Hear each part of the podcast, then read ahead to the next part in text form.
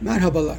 Bu haftaki podcast'imizde artık 3. haftasına giren Ukrayna Savaşı'nı ve bu savaştan AKP yönetiminin e, çıkarmaya çalıştığı faydaları e, konuşacağız. Oku, dinle, izle. Kısa Dalga. Şimdi savaş Putin için iyi gitmiyor. Gitmemesinin nedeni şu. Şimdi kısa bir, e, hızlı bir askeri harekat, bunun sonucunda Zelenski hükümetinin devrilmesi, ordunun dağılması Putin'in öncelikli hedefiydi belli ki ve planları buna göre yapılmıştı.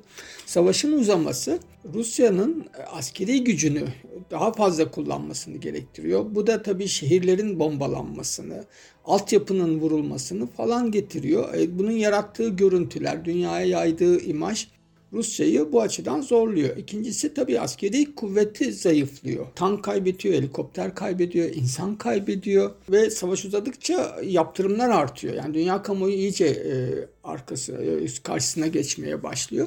Dolayısıyla bunun getirdiği sorunlarla uğraşmak zorunda kalacak.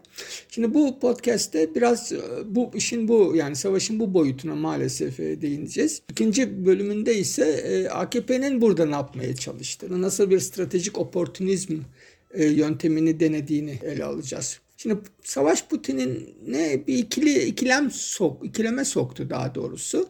Yani amacı şu Putin'in işte Ukrayna'yı düşürmek, kendisine bağlı bir hükümet kurmak. Böylelikle Rusya, Belarus ve e, Ukrayna e, üçlüsü üzerinden bir stratejik hattı kurmak istiyor. Yani belli artık bu hani strateji çok belli yani ortada. Hani bunun artık e, tekrar o tartışmalara girmeye gerek yok. Hani NATO genişledi, Rusya işte Rusya'yı kandırdı vesaire. Amerika çevreliyor. Bunların hepsini biliyoruz. Artık şu an yapılacak bir tartışma değil. E, çünkü bu, bu bunlar aşıldı günümüzde. Artık kim o başta savaşın başındaki kim o haklı bu haksız e, tartışmasının bir e, anlamı yok. Ama şöyle bir ikilem var. Uzadıkça sıkıntı yaratıyor. Eğer Kiev düşmezse ve geri çekilirse Putin yönetimi bir askeri başarısı ve tabii doğal olarak stratejik başarısızlıkla karşı karşıya kalacak. Ee, bununla nasıl baş eder onu bilmiyorum. Böyle bir durumda Batı'nın eli yükselecek. Tabii Ukrayna'nın da yani daha ağır e, koşullarda yatabilirler. Yok savaş uzar. Her ihtimale karşı her durumda Putin savaşı kazanırsa bu sefer de savaş uzadığı için yaptırımlar çok ağır olacak. Kiev'i düşürse bile yaptırımlar devam edecek ve Rusya ekonomik olarak çökecek. Bu ikilemin e, şu andan itibaren dışına çıkmasına çok imkan kalmadı. Yani üçüncü bir yol bulabilir. Yani oturur masaya işte Batı ile anlaşabilir, e, Arap formüller e, deneyebilir ama gün geçtikçe her savaşta geçen her gün bu ara formülleri zorlaştırıyor ve bir dönüşü olmayan noktaya doğru götürüyor e, Rusya'yı. Şimdi çok açık bir strateji izliyor Batı. Özellikle Amerika, İngiltere e, şeyi, ekseni e, Rusya'yı çok zayıflatmak istiyorlar. Ve savaşın gidişatını da buna göre e, belirliyorlar aslına bakarsanız. Bir defa Amerika ve İngiltere silahlandırıyor Ukrayna'yı. Bu, bu çok yani yansımıyor. Sanki böyle hani Ukrayna yani bu günlük şeydeki tartışmalardaki klişelerin hiçbir anlamı ve değeri yok. Yani böyle atılmış hani şeyin önüne Ukrayna işte kandırılmış. Böyle Ukraynalıların hiç aklı yok. Hiç hiçbir hani şey siyasi akla sahip değiller. Amerika onlara siz Rusya'yı kışkırtın demiş önce. Zelenski yönetimi de 45 e, milyonluk ülke Rusya'yı kışkırtmışlar. Sonra Rusya saldırınca da Batı biz sana karışmayız, izleriz e, demiş ve yalnız bırakmış. Yine bu kadar basit olabilir mi bir siyaset? Yani Ukraynalıların yani bu kadar akıldan, bu kadar deneyimden daha önce işgal edilmiş bir ülke. Batı'nın bir şey yapmadığını görmüş falan. Gürcistan'ı işgal etmiş Rusya. Dolayısıyla hani bu bu argümanların bir geçerliliği yok. Şunu söyleyeyim, her gün askeri malzeme gidiyor Polonya üzerinden e, Ukrayna'ya. Ve özellikle de Rusya'nın ilerlemesini yavaşlatacak uçak savar ve tank savarlar gönderiliyor. Tabi gece görüş cihazları, termal kameralar vesaire onların hepsi gidiyor. Bu, bu açık kaynaklar bunun sayısının yani tank savar ve uçak savarların sayısının toplam sayısının 20 bini bulduğunu e, söylüyor bize ki doğrudur. Çünkü yeniyle başlamadı. Yani biz bir yıldır falan Amerika çok arttırmıştı. Yani Stinger füzeleri ve Javelin tank savarları bol miktarda veriliyor. Onlar da şunu istiyorlar tabii Rus ordusu kanasın Ukrayna'da. Yani çok tank kaybetsin, çok zırhlı kaybetsin, çok helikopter, uçak kaybetsin ve aynı zamanda e, istihbarat bilgisi sağlıyor. Yani şu an Amerikan uyduları Ukrayna üzerinde, çatışma bölgelerinin üzerinde ve her bir tankın, her bir zırhlının, her bir helikopterin hani hareketini neredeyse yani o detayda e, Ukrayna ordusuna anlık bilgi aktarıyorlar. Bu çok önemlidir tabii kendi savaşta. İşte bence şey de taktik bilgi de şey de veriyorlar. Önerilerde de bulunuyorlar. Hani şuraları şey yapın, buraları kazın, şu köprüleri havaya uçurun falan. Çünkü Ukrayna ordusunu buna yönelik olarak eğittiler. Ukrayna ordusu, ordusu bir saldırı savaşı yürütebilecek kapasiteye sahip değil. Ama savunma savaşına e, uygun bir şekilde eğitildi ve e, donatıldı Ukrayna ordusu ve Amerika e, Rusya'nın yani savaşın uzamasını istiyor. Çünkü savaş uzadıkça Rusya'nın dünyadaki imajı bozuluyor. Savaş uzadıkça Rusya dünya askeri olarak zayıflıyor. Kolu kanadı kırılmaya başlıyor. Çok daha büyük askeri malzemeyi, tankı, işte kilometrelerce askeri aracı devreye sokmak zorunda kalıyor ve orada şey yapıyor Rusya'yı yıpratıyor Ukrayna üzerinden. Tabi bu çok acımasız ve çirkin bir strateji. Çünkü şunu göze alıyor. Yani Ukrayna üzerinden Ukrayna'nın yıkılması, sivillerin ölmesi üzerinden Rusya'yı Ukrayna'da oyalıyor ve zayıflatıyor Amerika. Ha Rusya açısından çok irrasyonel bir şey işliyor. Yani şu an eğer Rusya daha güvenli bir sınırlara sahip olmak için bunu yaptıysa şu an Rusya ve bundan sonra da 24 e, Şubat'tan yani işgalin başladığı günden 23 Şubat'tan hani daha e, güvenli değil ve daha güvenli olmayacak. Yani işin en acık veren kısmı bu. Yani savaşarak bu bir ülkeyi toptan işgal ederek güvenlik alamazsınız günümüzde. Şimdi peki bu koşullarda Türkiye ve AKP ne yapıyor? Ve en iyi öğrendiği şey AKP iktidarının bu 20 yıl boyunca her şeyi ama her şeyi hayatta iktidar kendi iktidarını besleyecek bir şekle sokmak. Ya örneğin Suriye meselesinde çok büyük hataları var. Korkunç hataları var. Yani bedeli çok ağır. Yani insani bedeli her şeyden vazgeçtim.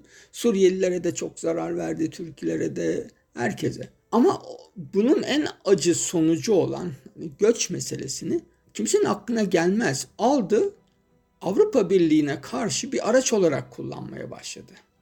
Ve Avrupa Birliği neredeyse şantajla teslim aldı. Açıkça konuşmaları var sızdırıldı. Yani e, otobüslere bindirir, e, gönderir. Tabii şimdi bunu yapmak daha zor.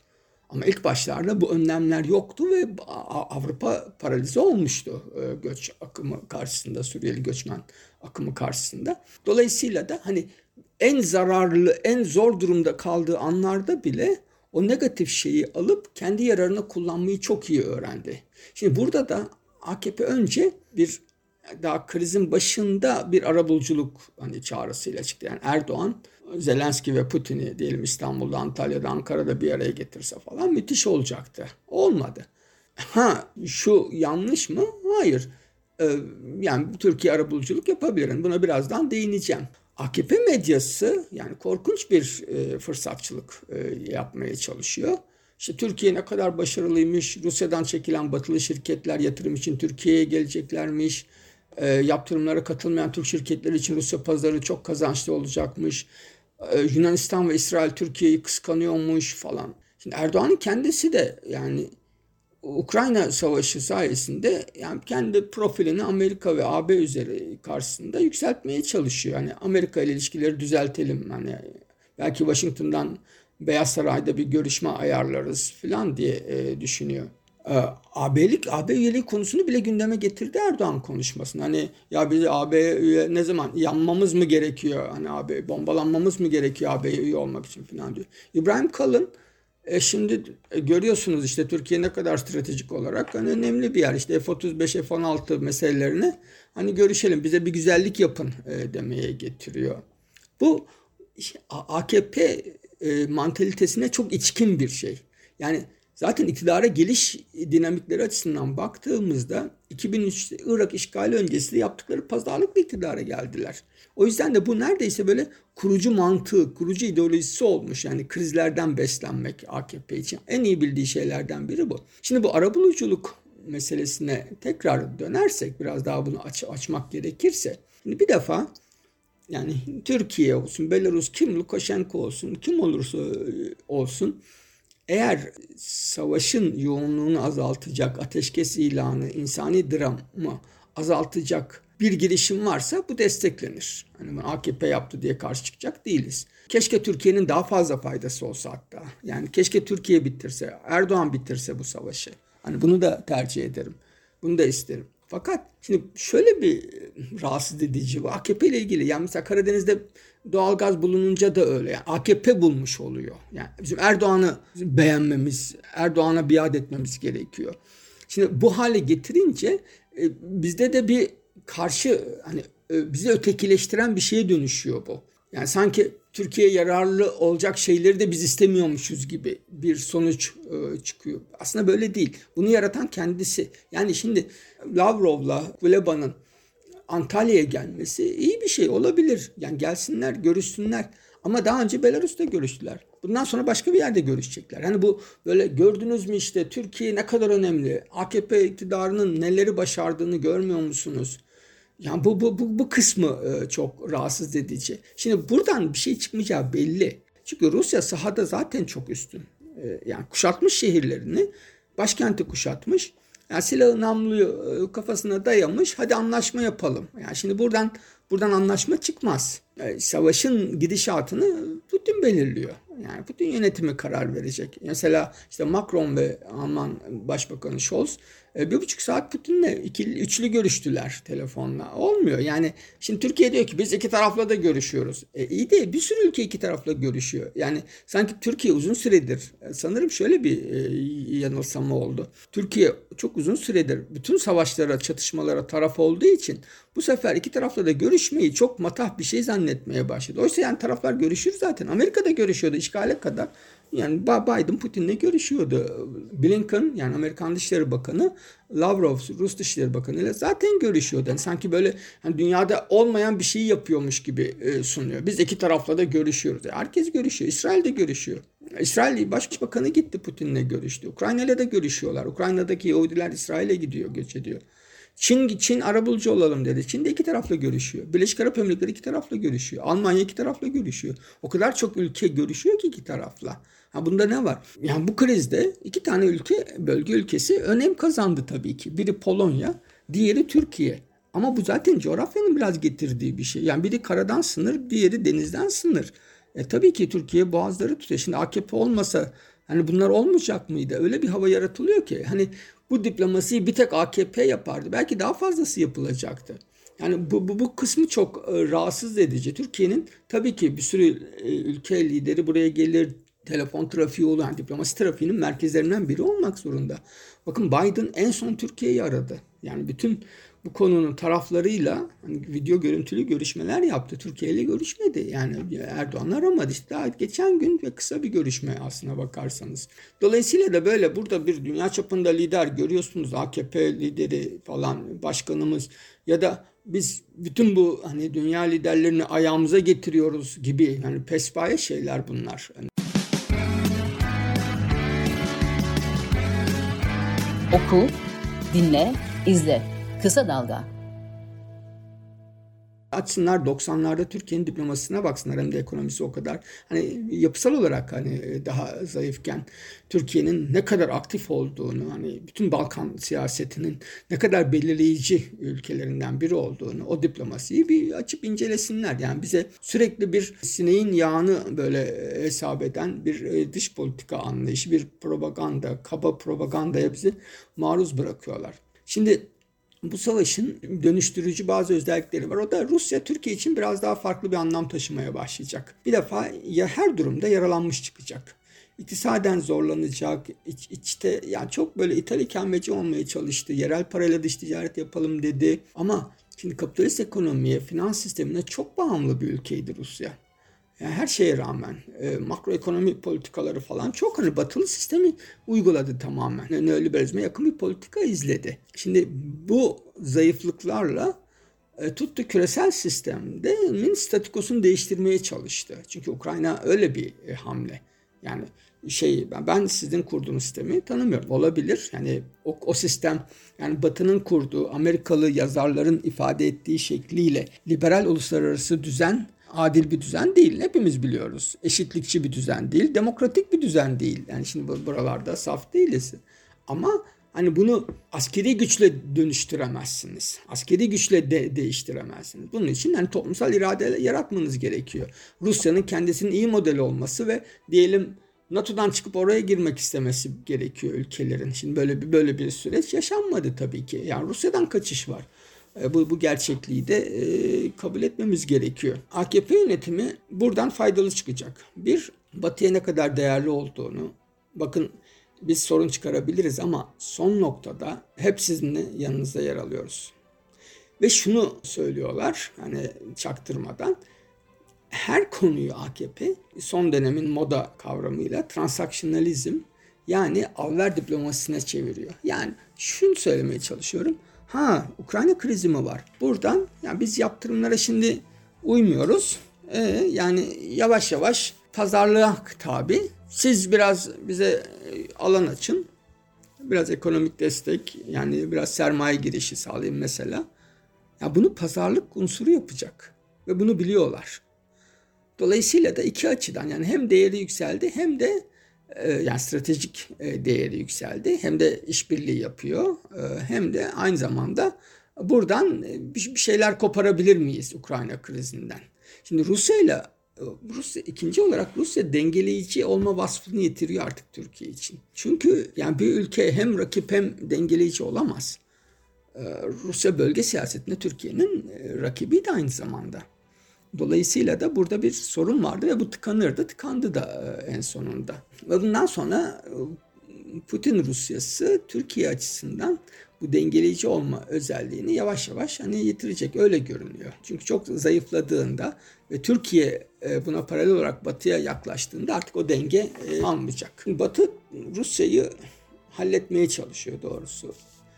Parya, uluslararası bir parya haline getirmeye çalışıyor uluslararası sistemde küme düşürtmeye deniyor. Yalnız iktisadi olarak değil, psikolojik olarak da, toplumsal olarak da Rusya ile Batı arasındaki bağı koparıyor. Yani dikkat edin sosyal medyadan işte Rus tarihine vesaire onlar bilinçli hamleler. Yani bir kısmı bütün Batı'yı temsil etmez ama e, Rusya'ya sen artık batılı değilsin mesajı veriliyor. Yalnızlaştırıyor, izole ediyor. insani, kurumsal, ekonomik bağları kopartıyor. Orta vadede enerji kozunu Rusya'nın elinden almaya çalışıyor. Hayatın her alanında ezip onu aktör olmaktan çıkarmaya çalışıyor. Öyle bir hale getirecek ki Rusya'yı ya da planı bu. Hani bu olur mu olmaz mı ondan emin değilim. Çin için bile işe yaramaz bir ülke haline getirmeye çalışıyor. Kimse Rusya'nın yanında durmasın. Rusya'ya dokunanın yan, yandığı bir düzen kurmaya çalışıyor. Örneğin BM Genel Kurulu'nda Birleşik Arap Emirlikleri ve Suudi Arabistan e, işte aleyhine oy kullanmadılar Rusya'nın. Onların üzerine çok yoğun baskı yaptı Amerika. Çok bir daha böyle yani aşağı yukarı tehdit etti. Sırbistan'ı da öyle. Hava sahasını kapatmadı Sırbistan. Onu da öyle tehdit etti bu ülkeleri. Yani size de sıra gelir e, demek istiyor. Ukrayna Savaşı'ndan önce Batı çok dağınık bir görüntü veriyordu. Yani Biden yaşlı, yürümekten aciz, Afganistan'dan çekilmeyi becerememiş bir Amerika, ee, Avrupa kendi kafasına göre gidiyor. Ee, her kafadan bir ses çıkıyor.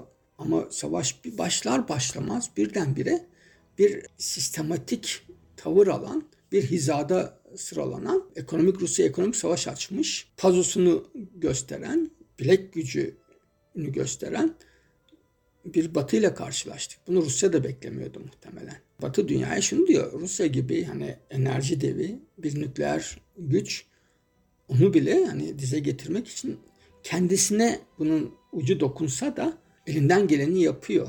Hayatın o kadar kolay olmadığını e, gösteriyor. Bu mesajı veriyor dünyaya. Şimdi Putin yönetimi real politik anlamda hata yaptı bence. E, yani bu daha ortasındayız. Nereye doğru evrileceği çok belli değil. Hani bu kadar kesin konuşmak belki doğru değil ama oraya doğru gidiyor. Bedelini çok ödüyoruz. Beni burada çok rahatsız eden bir nokta 70 yaşına gelmiş olan Putin'in koronavirüsü kapma korkusu içinde olması ve insanları yani liderleri, kendi bakanlarını kendisinden 4 metre uzağa oturtması. Ama aynı anda o Putin'in binlerce Rus gencini savaşa gönderebilmesi, şehirleri bombalatabilmesi, sivillerin ölümünü göze alması. Yani kendisi virüsten korkarken binlerce insanın bombayla, kurşunla ölmesini uzaktan seyrediyor olması. Bu bana korkunç ironik geldi ve bunu tarih kaydedecek. Yani o karikatür gibi masaları yani misafir ağırladığı o upuzun masaları yani animasyonlarda, çizgi filmlerde olan, filmlerde gördüğümüz masaları bir tarafta Putin oturuyor, bir tarafta davet ettiği lider oturuyor ya da kendi bakanları oturuyor. Öte yanda da yakılmış yıkılmış şehirler, vurulmuş binalar, vurulmuş Rus Rus tankları ki içinde genç insanlar ölüyor onların. Ve bu görüntü benim kafama çok yerleşti. Tarihe de böyle geçecek. Teşekkürler dinlediğiniz için. Kısa Dalga podcastleri Demet Bilge Erkasab'ın editörlüğünde Mehmet Özgür Candan'ın post prodüksiyonu ve Esra Baydemir'in hazırladığı görseller ile yayınlanıyor. Kısa Dalga'ya destek vermek için Patreon sayfamızı ziyaret edebilirsiniz.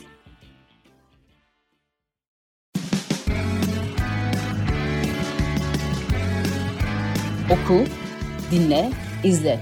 Kısa Dalga.